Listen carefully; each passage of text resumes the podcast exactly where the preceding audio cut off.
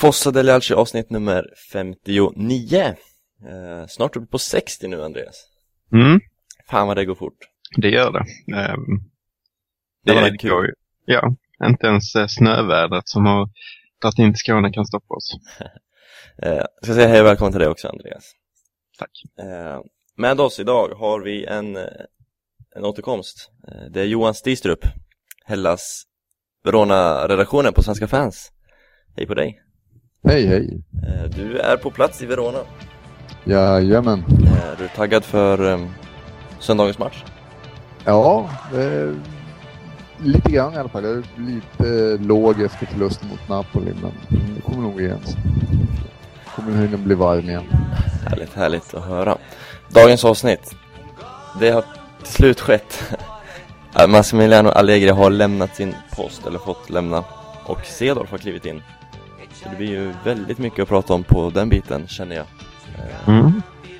Och såklart, eftersom Johan är med, så blir det ju fokus på kommande match mot just Hellas Verona. Eh, Så de två blir väl huvudspåren. Sen kommer vi spåra ut som vanligt, men vi får väl se vad som händer.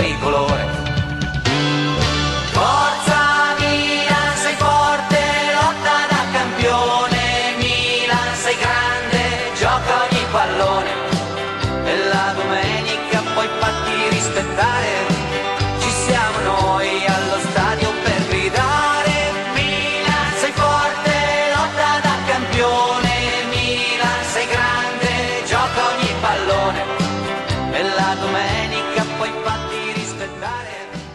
Ci siamo noi. Det är nästan så jag skulle fråga er om det. Hur känns det? Ja, jag fick det på inspelning så det är ju bara Andreas Persson, vår gäst frågar hur känns det? Eh, om vi ska börja där. Ehm, ja, det känns bättre än Inzaghi. eh, tycker jag spontant. Även om Inzaghi har den här uh, tränar... eh, ehm, lite tränarerfarenhet av Primavera liksom. Men det ehm, finns ju många som har haft erfarenhet av Primavera som inte har lyckats riktigt i seniorfotbollen. Tänker på Strama. Jag tänker på och sen så har jag fått lite mothugg där från eh, vissa interister så jag får väl eh, respektera det och eh, kanske vara lite återhållsam med min kritik mot honom om de hyllar, om de tycker att han hade en, eh, gjorde en god gärning helt enkelt under hans tid. Men ehm, det finns ju lite andra, vi har ju haft eh, liknande exempel i Juventus till exempel. Och sådär. Ja. Eh, men um, Cedorf känns ju som en person med ofantligt mycket mer karisma än än Inzaghi och än eh, de flesta. Liksom. Eh, han kallades ju Obama eh, under sin spelartid i Milan av vissa. Och eh, man fick ändå lite det intrycket när han landade och eh, vinkade och hade sig och sånt där. Väldig karisma har han ju. Att, eh, President Aura. mm, lite så. Han är ju faktiskt pre- president också, eller i alla fall har. I Monza tänker du. Precis. Eh, men, Så det, det är Ja. ju ganska tydligt att han har, eh, eh, för att vara fotbollsspelare, om man är fotbollsspelare och har lite intelligens så höjs man väldigt ofta väldigt högt upp. Eh, men för att cirkulera i fotbollsvärlden så har han en väldigt hög eh, intelligens och han tänker på saker som inte bara har med det med planen att göra. Eh, vilket eh, naturligtvis är väldigt viktigt när man tar steget som tränare till tränare. eh, det var ju fiaskomatchen mot Sassuolo förra veckan som var droppen eh, som fick bägaren att rinna över om man ska dra sig med fina gamla svenska ordspråk. det, om jag får flika in där så det kan vara droppen som för, fick bäringarna i nerver. Men det som känd, det kändes väldigt tydligt att han skulle lämna för att han eh, in handduken innan eh, eh, och konstaterar att jag stannar inte eh, efter sommaren. Och har man gjort det uttalandet och ja, då är det inte konstigt att man lämnar. Eh, man kan ju jämföra med nu när vi har Hellas eh, på besök eh, Soliano som också känns ganska klar att han eh, kommer att lämna. Eh, det fanns ändå lite tvivel kanske på att Allegri kanske stannar, man vet aldrig eh, förrän det, det sagt. Liksom. Eh, och Soliano har varit inte lika tydlig med att han ska lämna utan har sagt att han fokuserar på Hellas nu och allt, allt det där. Eh, Ja, hur att klart är det där? jag har faktiskt ingen uppfattning om hur klart det är. Ehm, Nej, för jag Men- upplever liksom det har blivit mindre nu när organisationen har satt sig lite. Att det inte är lika självklart. Mm. Så att- Nej. Ja. Nej, det är förmodligen inte lika klart som att, eh, eh, som att Allegri lämnar och Allegri är ju i en helt annan position. Så jag menar, Soliano, det har gått väldigt bra för Verona. Det har gått väldigt dåligt för Milan, så att han är i en helt annan position. Men det är ändå, konstaterar man att man ska lämna, då, då eh, är det sagt. Och när det är ute i, i, liksom, i luften så ligger sparken nära till hands. Känns. Ja. Då kan det inte bli bra. Det känns inte så. Eh, 4-3 mot Sassuolo. Berardi gör fyra mål. Han är 19 år gammal och tillhör ju såklart Juventus för att strö lite extra salt i de här såren. Eh, Bonera som vi har hyllat, både du och jag Andreas, Mm. Och han själv. och han själv, ja, han målar upp sig själv som en eh, VM-joker till och med. Eh, det gick inte så, ja exakt. Det gick inte så jäkla bra för honom i senaste matchen. Nej, det gjorde inte det. Um, nej, det är väldigt tråkigt uh, om man bara ska ta känslan efter den matchen. För att det har varit, uh, vi var inne på det lite, i alla fall jag, om att jag var positiv inför det nya året. Jag menar, vi slog Atalanta uh, med 3-0 och sen så plockar vi in Honda och Pazzini kommer tillbaka och allting där. Man får någon positiv känsla. Eh, och så har det varit lite för mig, tycker jag, hela säsongen. Och ser man på statistiken så efter varje vinst vi har gjort så har vi förlorat matchen efter. Vi har väl inte Det- två raka någon gång va? Nej, det blir väldigt, eh, det är väldigt tungt. I ligan då, vi har ju vunnit, vann två raka där med Celtic och Catania i Champions League Mm. eh, till ligan. Men ehm, det blir ju väldigt tufft, man får inte det här flödet och positiva energin liksom. Eh, och som supporter så får man upp lite hopp, men sen så slås det ner direkt. Inte ens när man har 2-0 borta mot Sassuolo så kan man ta två i rad. Mm.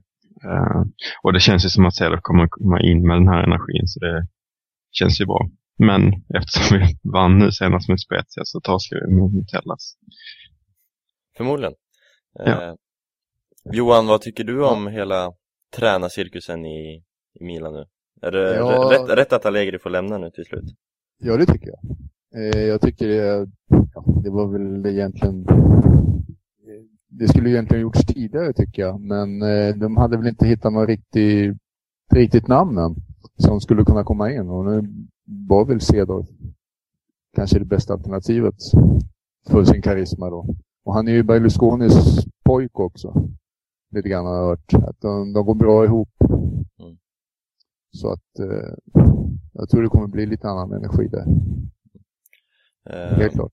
jag har ju, alltså, tidigare när det ryktades om Cedos i somras också, eh, då gick ju kurvan ut och med banderoller som Cedorf no grazie, eh, till exempel. Eh, Andreas, tror du det har vänt nu eller tror du våra supportrar i, på plats i Italien och så är lika negativt inställda ändå? Alltså, de, all respekt till Cedo och så vidare, men det är ju för att han inte har någon er- erfarenhet. Det är ju, så är det ju. Han har ju. De har varit tydliga med det. När det snackades om nya tränare, vi vill inte ha något oerfarent namn. Och sen så var de specifikt mot Cedorf också. Um, och vi ska faktiskt komma ihåg att det inte bara handlar om, um, um, om att han är oerfaren tränare också. Utan jag vill minnas att eh, de hade något uttalande mot honom eh, eller han hade något uttalande mot eh, Kurasud. Jag kommer inte riktigt ihåg hur, hur det var. Men eh, i senaste matchen nu mot Spezia så vecklade eh, Kurasud ut en banderoll där de konstaterade då som de brukar göra. De har ju väldigt gott minne de här kurvorna. Eh, datumet för när det hände, om det var i oktober 2009 eller något sånt där. Jag kommer inte ihåg exakt datum och sådär. Men att han hade varit arrogant och sådär mot eh, Kurasud uttalat på något sätt. Eh, och eh, det är de väldigt känsliga för. De vill att man ska respektera de som köper biljetterna och ägnar sitt eh, väldigt stor del av sitt eh, liv till att stötta laget. Mm. Eh, så det är någonting där också. Men, eh, men jag tror inte att han kommer att bli utvisslad. Liksom. Det tror jag. inte. Han är ju väldigt populär, alltså om man kollar utanför kurvan. Mm. Eh, Svenska supportrar, supportrar ja, världen över liksom. Man kan se på de sociala medierna hur hyllningarna bara väller in. Så, ja, gemene milanista, snittmilanistan, det är, det är positivt ändå med Cedorf. Mm. Måste man ju säga. Sen kan man diskutera vilka som är viktiga. Vad sa du Johan? Också när man läser tidningarna här nere så är de ju väldigt positiva till det hela. Men Gazettan och även den lokala tidningen i Verona ser du liksom han som en väldigt stark personlighet som kommer, kommer göra det bra i Milan troligtvis. Mm. Känns det som. Alltså de har den bilden för sig att det, det är rätt man. Mm. Det, det är intressant. Eller ja. kanske du, Andreas läser väl Gazettan också? Så det kanske du hade koll på.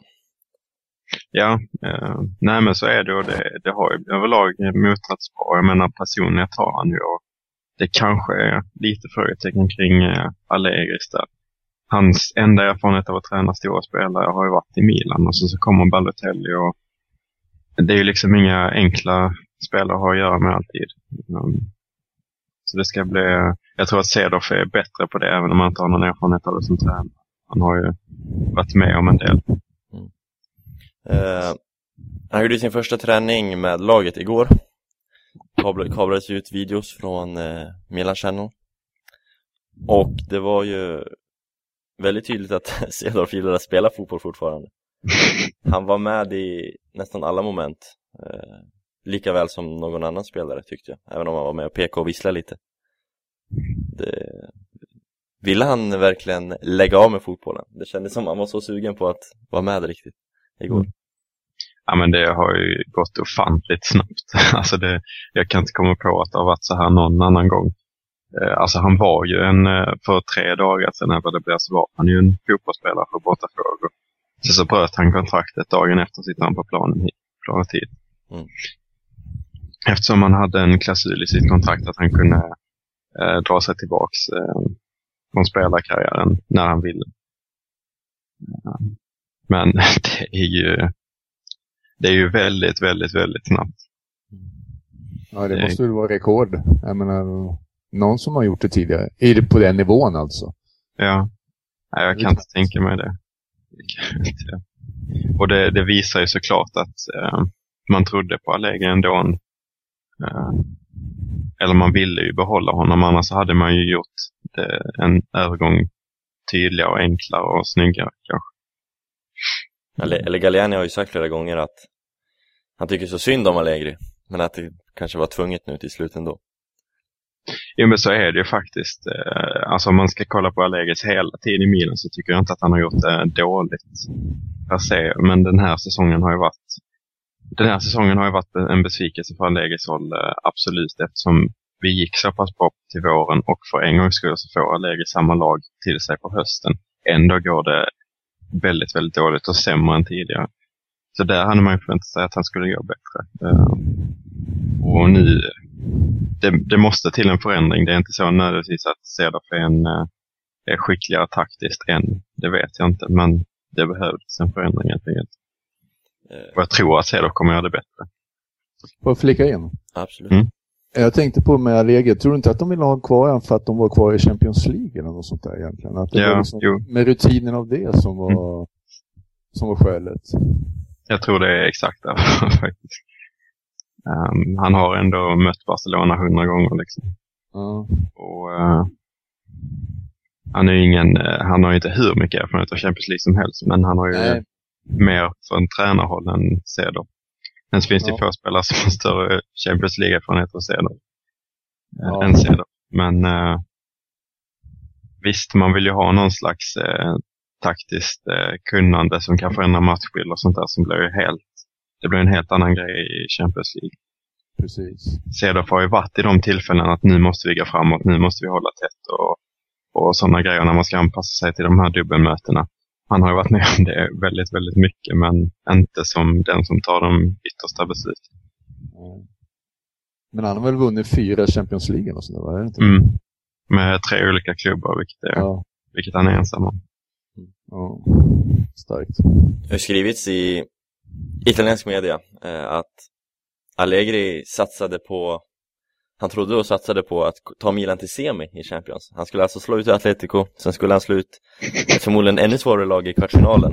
Eh, det var hans tankar tydligen. Eh, Andreas, du skrattar. Jag eh, skrattade väl också när jag läste det första gången. Eh, men eh, ja, vad ska målen vara i Champions? Är det att ta Atletico? Alltså det är så svårt att sätta mål i sådana turneringar när det är en sak att möta Bayern och en sak som att möta Zenit som också kan gå vidare. Liksom. Uh, nu kanske inte är de två ytterligheterna, men, uh, men det var de som dök upp först. men det har ju så mycket med lottning att göra, det har mycket med att göra med skadeläget under perioden och det, har väldigt, det är väldigt små marginaler i de här två matcherna naturligtvis. Så jag tycker det är konstigt överlag att ha sådana målsättningar i Champions League. Men att gå vidare mot Atletico har vi varit inne på tidigare, det är ju ofantligt viktigt för ekonomin. Mm. Vi har ju sagt, eller du har sagt och jag kanske också har sagt det, eh, eller så, det är nog Resa som har sagt det mest, flest gånger faktiskt, eh, som brukar vara med i detta, denna podcast. Men eh, du sagt att Atletico kan bara bli sämre, Milan kan bara bli bättre. Mm. Ja, jag tror det är jag som har varit ganska tydlig där. Okay, ja, då är det, så är ju inte riktigt fallet, Atletico är ju nästan bättre nu än för ja, två månader sedan och Milan är ja, om inte samma så, eller sämre så är det i alla fall samma. Mm. Nej, jag håller inte riktigt med där faktiskt men, eh, men eh, jag, hade hoppats på en betydligt högre, eh, högre utväxling av den här tesen då. För folk som sysslar med betting så la jag ett spel att Milan vinner pengarna tillbaka vid oavgjort i den här första matchen på San Siro mot Atletico väldigt tidigt för att jag trodde att eh, oddsen är för höga, det är de. Men jag hade hoppats att de skulle sjunka ännu mer för att eh, det är så mycket som talade för det just då. Atletico spelar med en i stort sett konstant eh, startelva hela tiden. De har ingen erfarenhet av, av att dubbla och allt det här. Spelar en väldigt uppoffrande spelstil där de sliter mycket. Men de har inte fått några skador och de har inte tappat i resultaten i alla fall. Eh, jag har kollat lite, lite på Atletico och kan tycka att de har tappat lite i prestationerna och vinner inte så övertygande kanske. Men eh, de tågar ju liksom på. Så vi får se hur de hanterar den här svåra perioden de har nu med många tuffa lag i rad.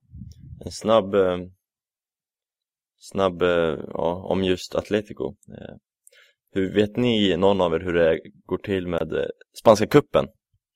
Hur den fungerar, hur den är uppbyggd? För Valencia och Atletico spelar 1-1 i åttondelsfinalen. Om det är eh, ommöte eller om det är ett returmöte eller om det är liksom omspel som i England. Men äh, var inte det det andra, var inte det returmötet man spelar nu? Så kanske det var. Jag, ska... jag är rätt säker. Jag, jag har sett en... retur, alltså hemma och borta. All right. Då ska jag kolla lite noggrannare. Nej, för jag har sett två möten dem emellan nu. All right, jag okay, tror att det är båda i. My bad, det är, det är helt rätt. Uh, Atletico är vidare i cupen. Mm. Jag tar tillbaka det, de vann ju i häromdagen med 2-0. Mm. 1-1 var första mötet.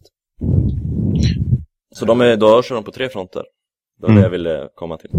Ja, precis. Och de, de har väldigt tufft spelschema i ligan också. Eh, som följer, så att Mm, man kan ju hoppas, man vill ju inte hoppas på skador och sådär naturligtvis, men uh, ja, att hoppas. de sliter, slits ut och sådär.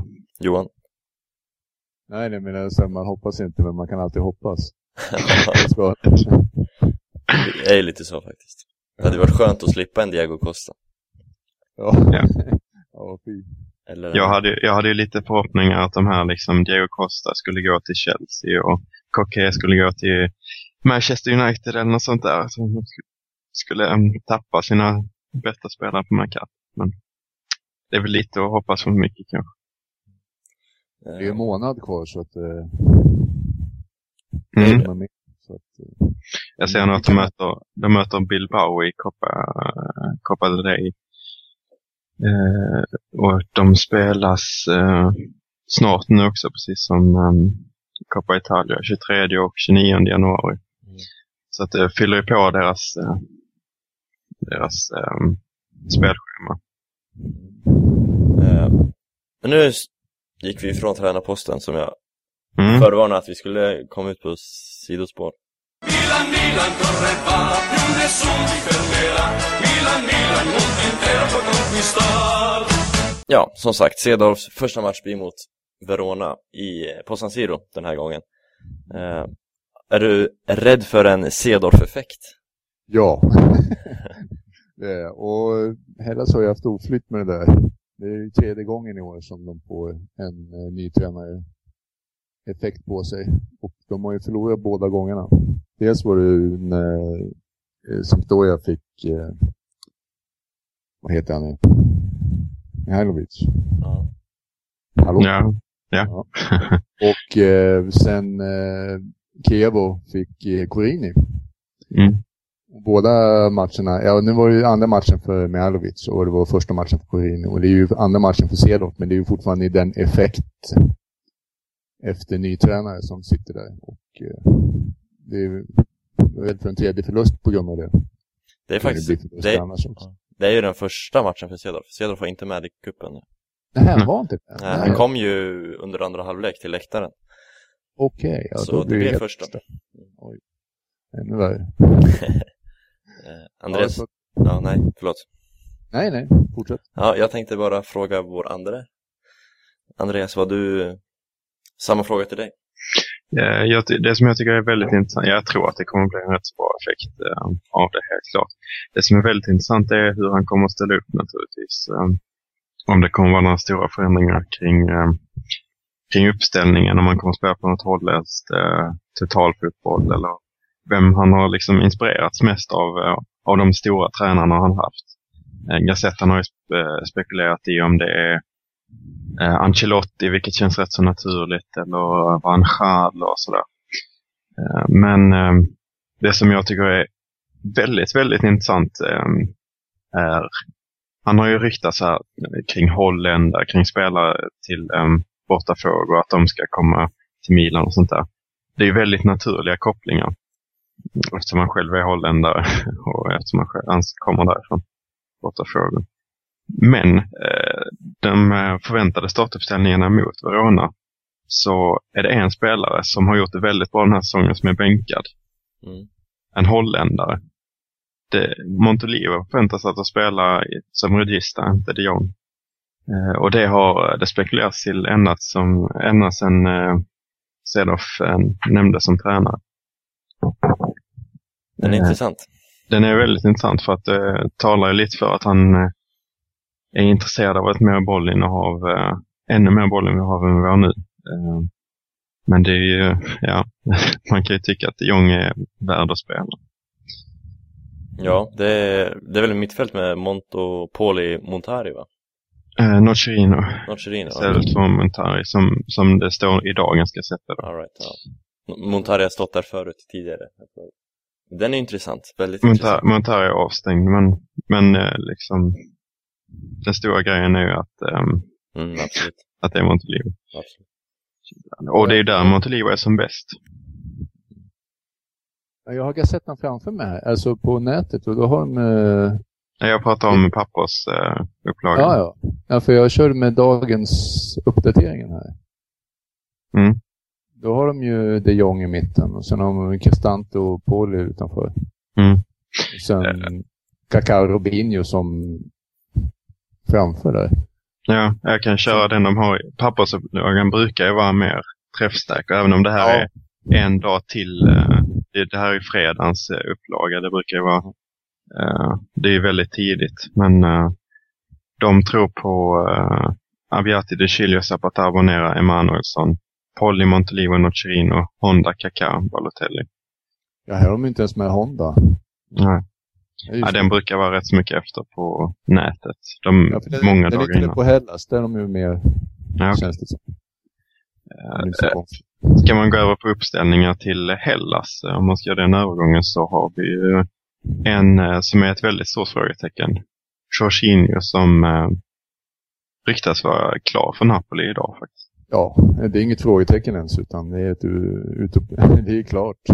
Att Ja. han, eh, Sevillano kommer ersätta då han på mitten istället.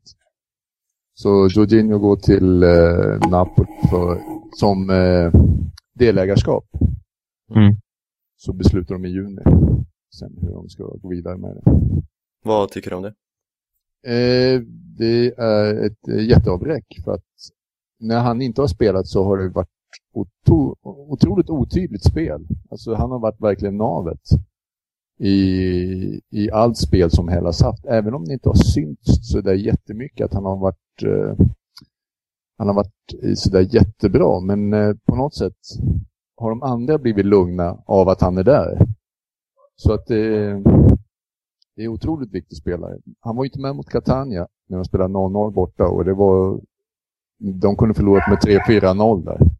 Nu hörde jag hunden här. Ja, så att det, det är ett jätteavbräck faktiskt. Jag är tveksam om Chiriliano kan eh, hålla den där tröjan. Mm. Det är ju det enda alternativet eh, Hellas har egentligen. Som Det skulle låter, vara... det låter väldigt bra tycker jag. Ja. Det är ju synd, att det, jag tänkte säga det är synd att inte, han ryktades ju i alla fall i somras en hel del till oss. Eh, Ja. Och det är ju en otroligt duktig spelare. Mm. Det är synd att nu Napoli går in och tar honom. Mm. För, Ja. för vår del såklart. Det är synd för din del också. såklart. Ja, mer synd för min del. Ja. Jag vet inte egentligen om han kommer... Han är ju rätt... Han var han 22 år nu bara fortfarande. Så Mm. att, eh, det är ju lite framtidsspelare, men det var ju någon som klagade på henne, men han kommer ju aldrig hålla i Napoli. Det är ju för stor klubb för honom. Jag Mm. läste det bara häromdagen. Det var Bolognas eh, sportchef som sa det just. Ja. Så att eh, han tyckte att det var en dåligt köp av Napoli. Men eh, han var grymt bra första mot Napoli när de spelade mot varandra. Så att såg man verkligen potentialen. Och det gjorde Benitez också från bänken antar jag. Vad tror du han går in i, i Napoli? Är den där tvåan där bak? De kör väl ett 2-3-1? Ja, han gör väl det kanske. Men det är svårt hur de... Jag tycker de inte egentligen har det spelet. Att de, inte för tillfället, då får de ju ändra om strukturen. För de har ju ingen riktig register där bak nu. Det är väl därför de är ute efter Capoe i Tottenham och Jorginho och även Gonalons. Så att eh, det är väl för att ha lite val mer än att det kanske är en första uppställning. Mm. Annars har de sina tre schweizare. Ja. Jag, jag tycker det är lika kul varenda gång att de tre bästa in i mittfältarna från Schweiz också spelar i Napoli. Eh, Men det är en annan, annan femma. Luca Toni har gjort nio mål den här säsongen. Ja. Han väntas starta ännu en gång. Ja, ja, absolut. Hur, eh, hur är eh, läget, formen på honom?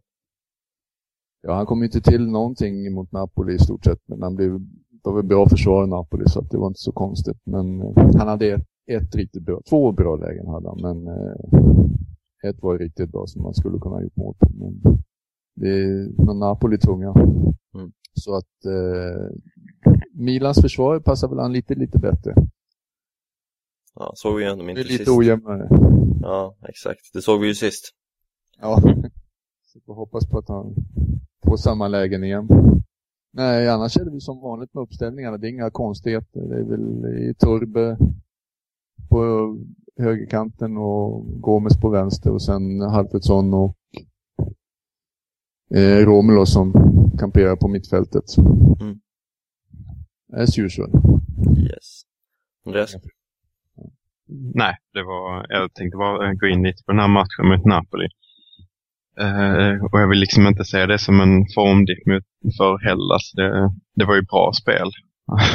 alltså, Ja, Det- alltså absolut. det är ju första väldigt- ja.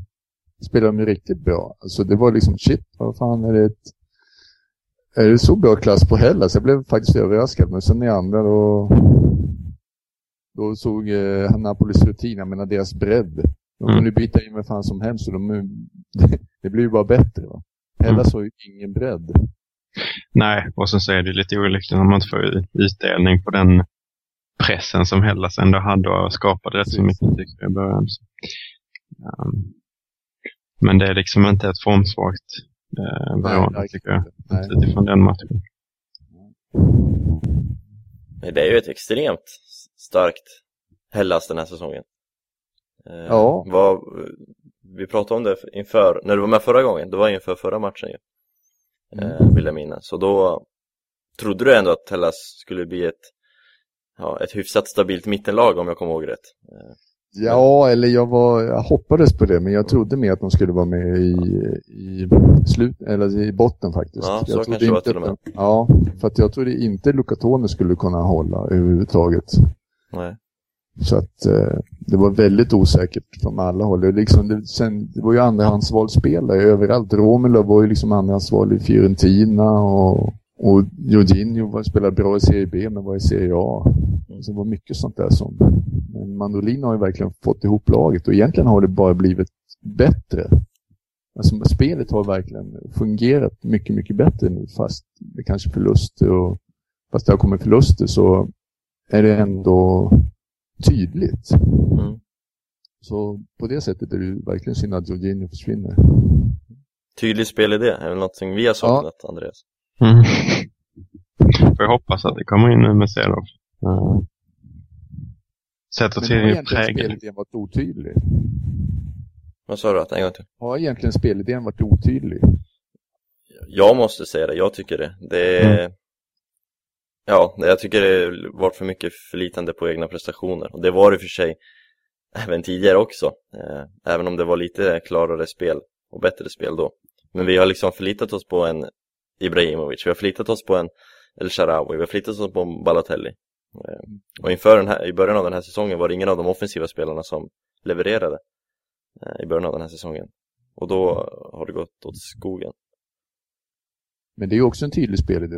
Ja, jo, visst, jo, eh, såklart. Eh, ge den till den bästa spelaren där uppe, så gör han någonting. Det är ju en idé, såklart. Eh, men den, ja, när det inte funkar, när det inte klickar där uppe så har, som sagt, har det gått åt skogen. Man ska inte komma, glömma att det är Balotellis första eh, säsong som startspelare eh, för ett lag. Och eh, han har väl ändå varit en besvikelse får man ju säga. Eh, hade han funkat bättre så hade ju hans individuella prestationer lyft Milan högre.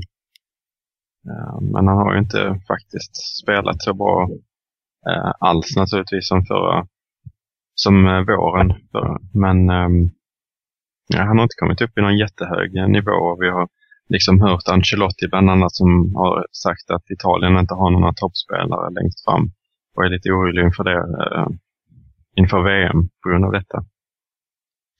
Eh, och det ligger ju någonting i det. Alltså Balotelli är väldigt ojämn och han har inte presterat den här säsongen, tycker jag. Stämmer, han är väldigt ojämn så sätt. Jag menar, det, I landslaget eh, ja, och i Milan. Det, men det ska bli intressant att se honom under Cedorf. Eh, jag tror att han kan dels att sköta en, en stökig karaktär bättre.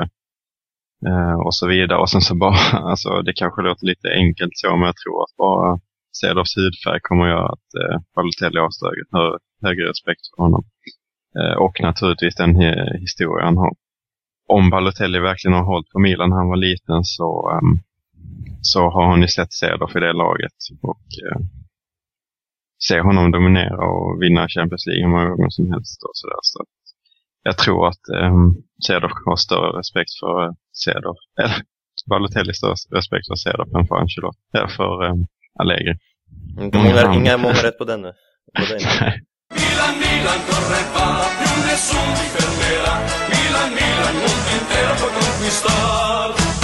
Ja, jag tänkte köra en liten kort passus, heter det så? Jag tror det heter så. Om eh, kuppspelet. Eh, det har varit ett uttalat mål för säsongen, i alla fall för Allegri. Men jag antar att Cedorf tar över det målet. Eh, att vinna kuppen helt enkelt. För att vinna kuppen tar, tar oss ut i Europa League. Mm. Och enligt Allegri är det ju det troligaste sättet att komma ut i Europa den här säsongen. Dessvärre. Mm. Eh, och i onsdags, förrgår, så mötte vi ju Spezia som kommit långt för att vara Spezia i kuppen. Det var ju en, en bra match eh, från Milan, men Spezia var ju inte alls ett bra motstånd. Eh, så det är en ganska dålig värdemätare för Milans form och hur bra Milan är. Utan, Ja, ja, Tycker du inte? alltså jo, jag håller med till det till, eh, till stora drag, men Spezia, det är en väldigt stor klasskillnad mellan A och Serie B. Det ska man liksom ha klart för sig. Men eh, Spezia är ett väldigt bra och stabilt och tryggt eh, lag i Serie B. Ehm, så att den är inte, det är ingen, eh, det är ingen match som man bara eh, passerar hur som helst. Eh, väldigt starkt lag i Serie B måste jag säga. Vilket lag, i serie, vilket lag i Serie A skulle du jämföra med Spezia i Serie B? Är de ett eh, Cagliari? Ja, de är, ja, kanske. Ja, ja, säger Kalle. jag kommer inte på något eh, bättre så för stunden. Eh, de hade i och för sig sin målkung eh, Bagua eh, otillgänglig, men annars var det ett bra lag som de ställde upp med. Eh, och det är klart att Milan ska vinna den här matchen, men det, det är ändå bra gjort eh, och det, ja, att slå dem. Det är det. Bra gjort var ju också bortastödet för just Spezia.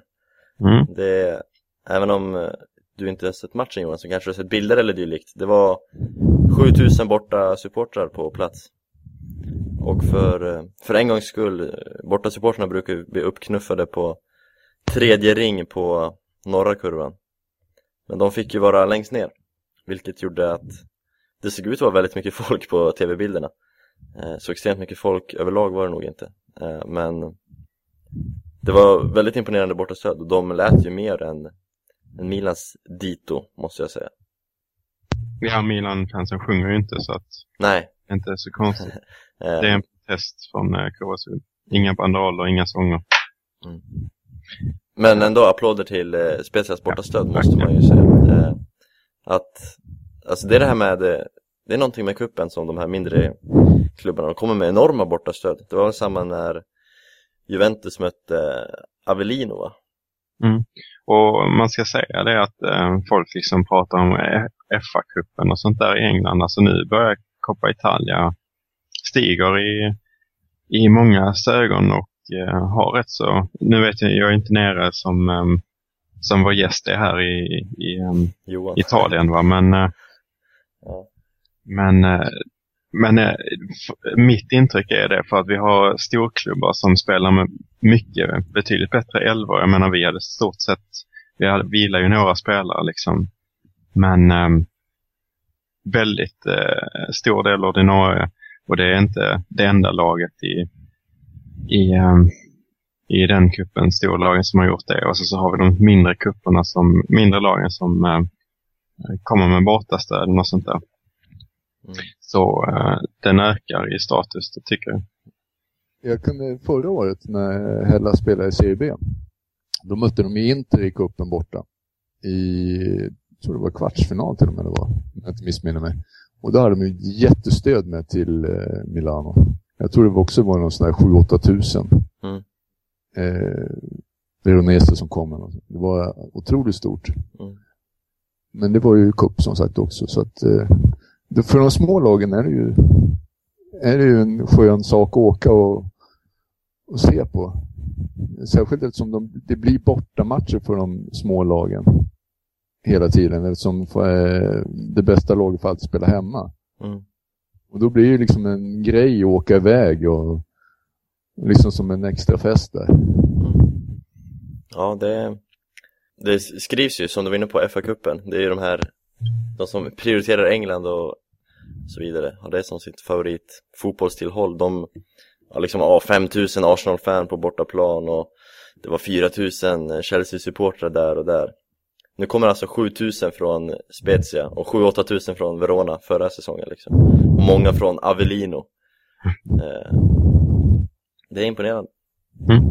Men matchen, ska vi snabbt om den. Eh, Honda får ju mål, sitt första mål i eh, Milan-tröjan på en eh, retur. Mm. Var ju skönt för honom antar jag. Skönt för alla japaner på plats. Eh, Pazzini bränner, ja, tre bra lägen bränner han va? Men eh, gör också ett snyggt mål. Och en assist. Och en assist som nästan ännu snyggare också för att vara Pazzini. Mm. Eh, så ett plus ett på Pazzo trots flera brända lägen. Och det, han känns ju så mycket bättre än Matri. Eh, Ja, verkligen. få det, ja, förlåt. Jag tänkte få in honom i ett mål, eh, målform, i ja, matchform. Så har vi en helt annan dimension där uppe.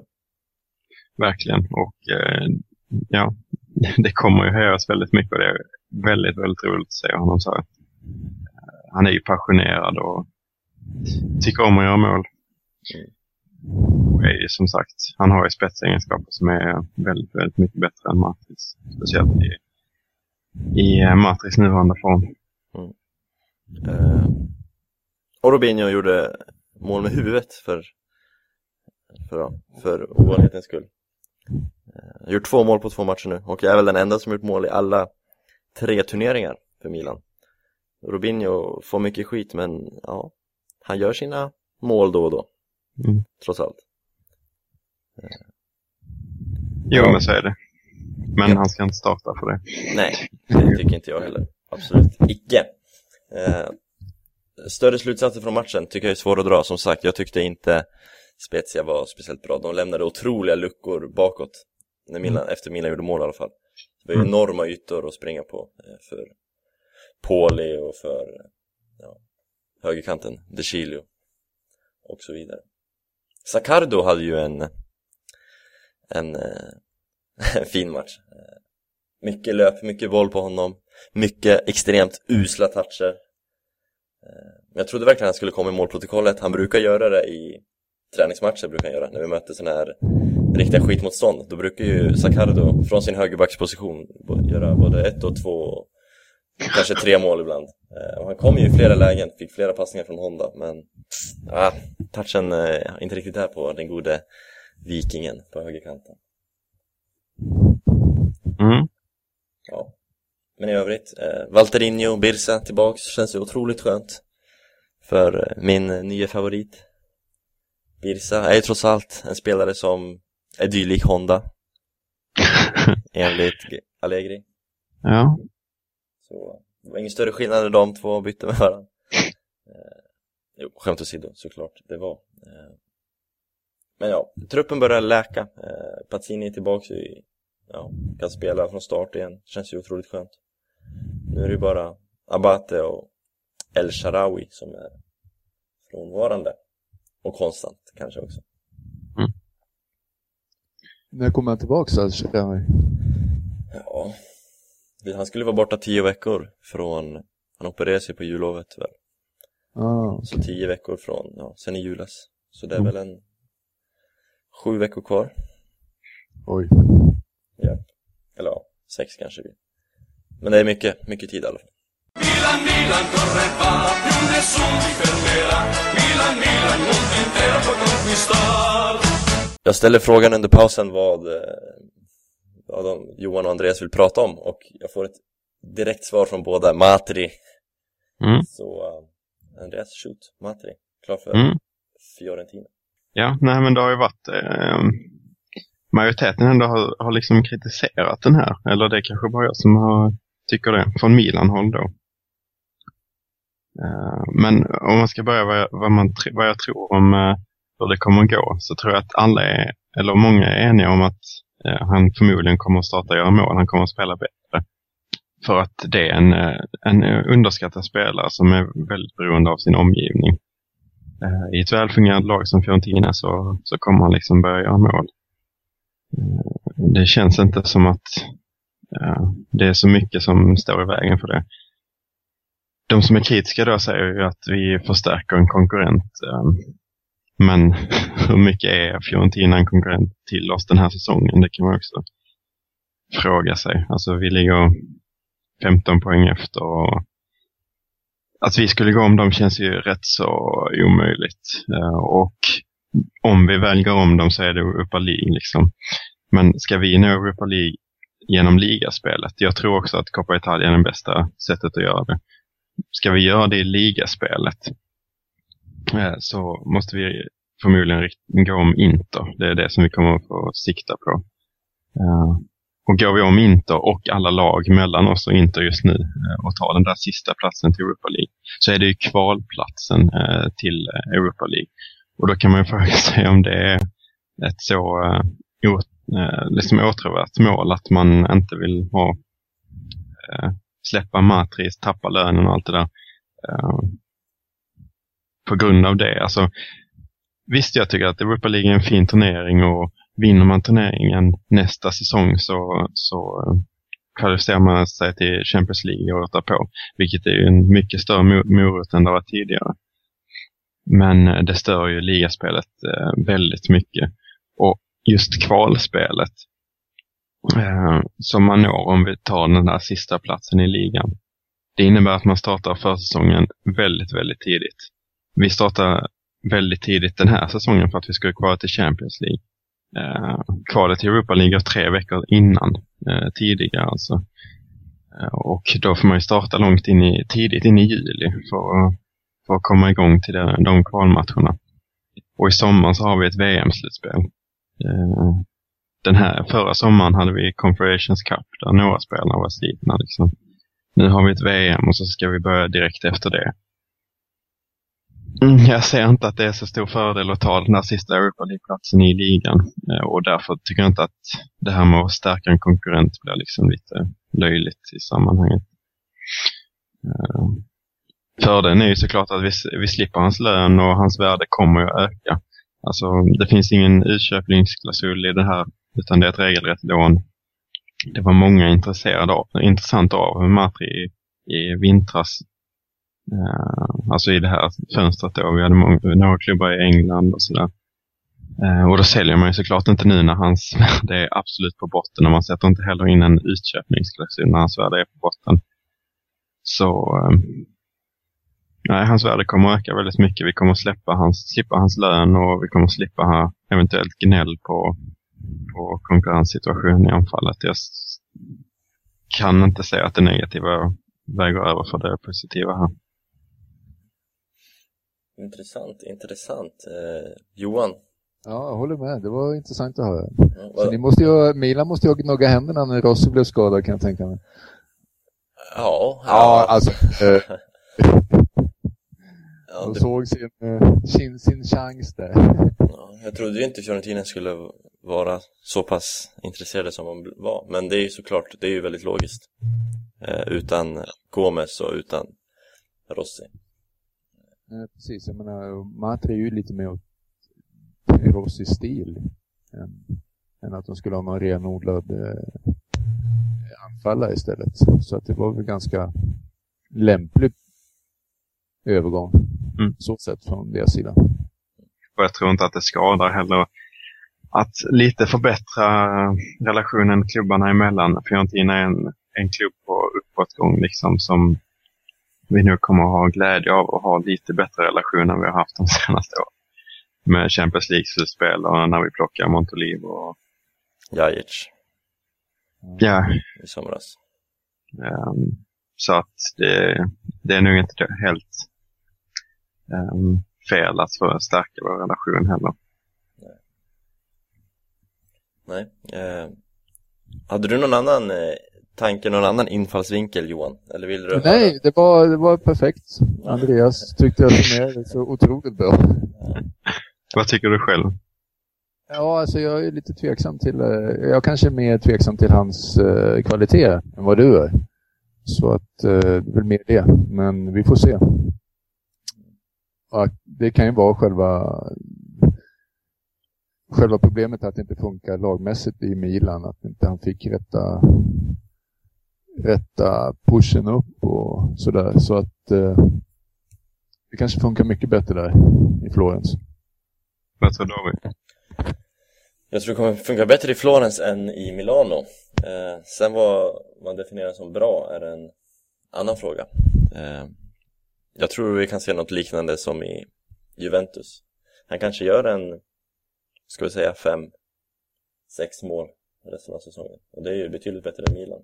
Mm. Men det är ju ingen, jag tror inte på någon dundersuccé direkt. Nej, nej, men jag, jag ungefär samma bild har jag av det. Mm. Men det är, om han gör det så kommer hans värde att öka. För nu gör han inga mål. liksom. Nej, det, det är såklart sant. Fem mål är bättre än ett mål. Eh, vi börjar tappa lite farten här. Så det brukar Mm. betyda att vi är, eh, att vi är Trötta. nöjda eller är trötta eller att eh, vi har slut på ämnen helt enkelt. Så någon av er två, har ni något sista ni vill ta upp innan vi vinkar adjö till varandra? När jag har fått prata om Matri så då är jag nöjd. Ja, nej, jag hade egentligen ingenting sånt där som inte är någon långkörare. Jag skulle gärna vilja prata om eh, hur, hur Milan spelar egentligen, hur de gör, på vilket sätt de gör målen. För jag tyckte, bara två sekunder så här, att eh, mot Atalanta så fick de mycket gratis. Mm. Miss, är det fel eller? Ja, Jag fick känslan av att, att, att det var ganska jämnt spel. Mot Atalanta fick vi väl eh, Jag har glömt hur målen såg ut, men det var ju Men första målet, det var ju att det fanns ju ingen försvar i Atalanta nästan. Nej, just det. nej, nej, alltså Och det var ju samma mot Sassuolo, de två första målen är ju bjudningar från deras backlinje De Jong snor Ja. bollen på första målet och Cristante snor bollen på andra målet Mm. eh, Så Men visst, när de börjar, äh, täppa igen, då är det liksom en helt annan sak. Då kommer inte Milan igenom. Då har de inte den där kreativiteten, känns det som. nej eh, Och kreativitet borde vi ha, speciellt nu med Hondas Ja. intåg Vi har Monto, vi har Balotelli som ska kunna skapa Vi har en Robinho som, trots att det är Robinho så är han, han kan skapa lägen ibland Ja. när han är på humör liksom Kaka. Kaká glömmer jag nästan. Eh, Ja. Som kanske är den bästa på att göra det av alla. Eh, Mm. Så kreativitet ska vi inte ha brist på, men jag håller med dig Johan. Det har ju sett rätt krampaktigt ut i offensiven. Mm. Vi får hoppas på fortsättning. Ja, eller inte. Eh, hur, eh, snabbt då, hur är livet annars i Verona? Hur mycket är du där? Eh, ja, jag är här... Jag Jag är i Sverige en vecka i månaden. All right. Om vi säger så istället. Det är nästan lättare att säga. Så att jag, jag jobbar en vecka i Stockholm typ. Och sen eh, åker jag ner igen.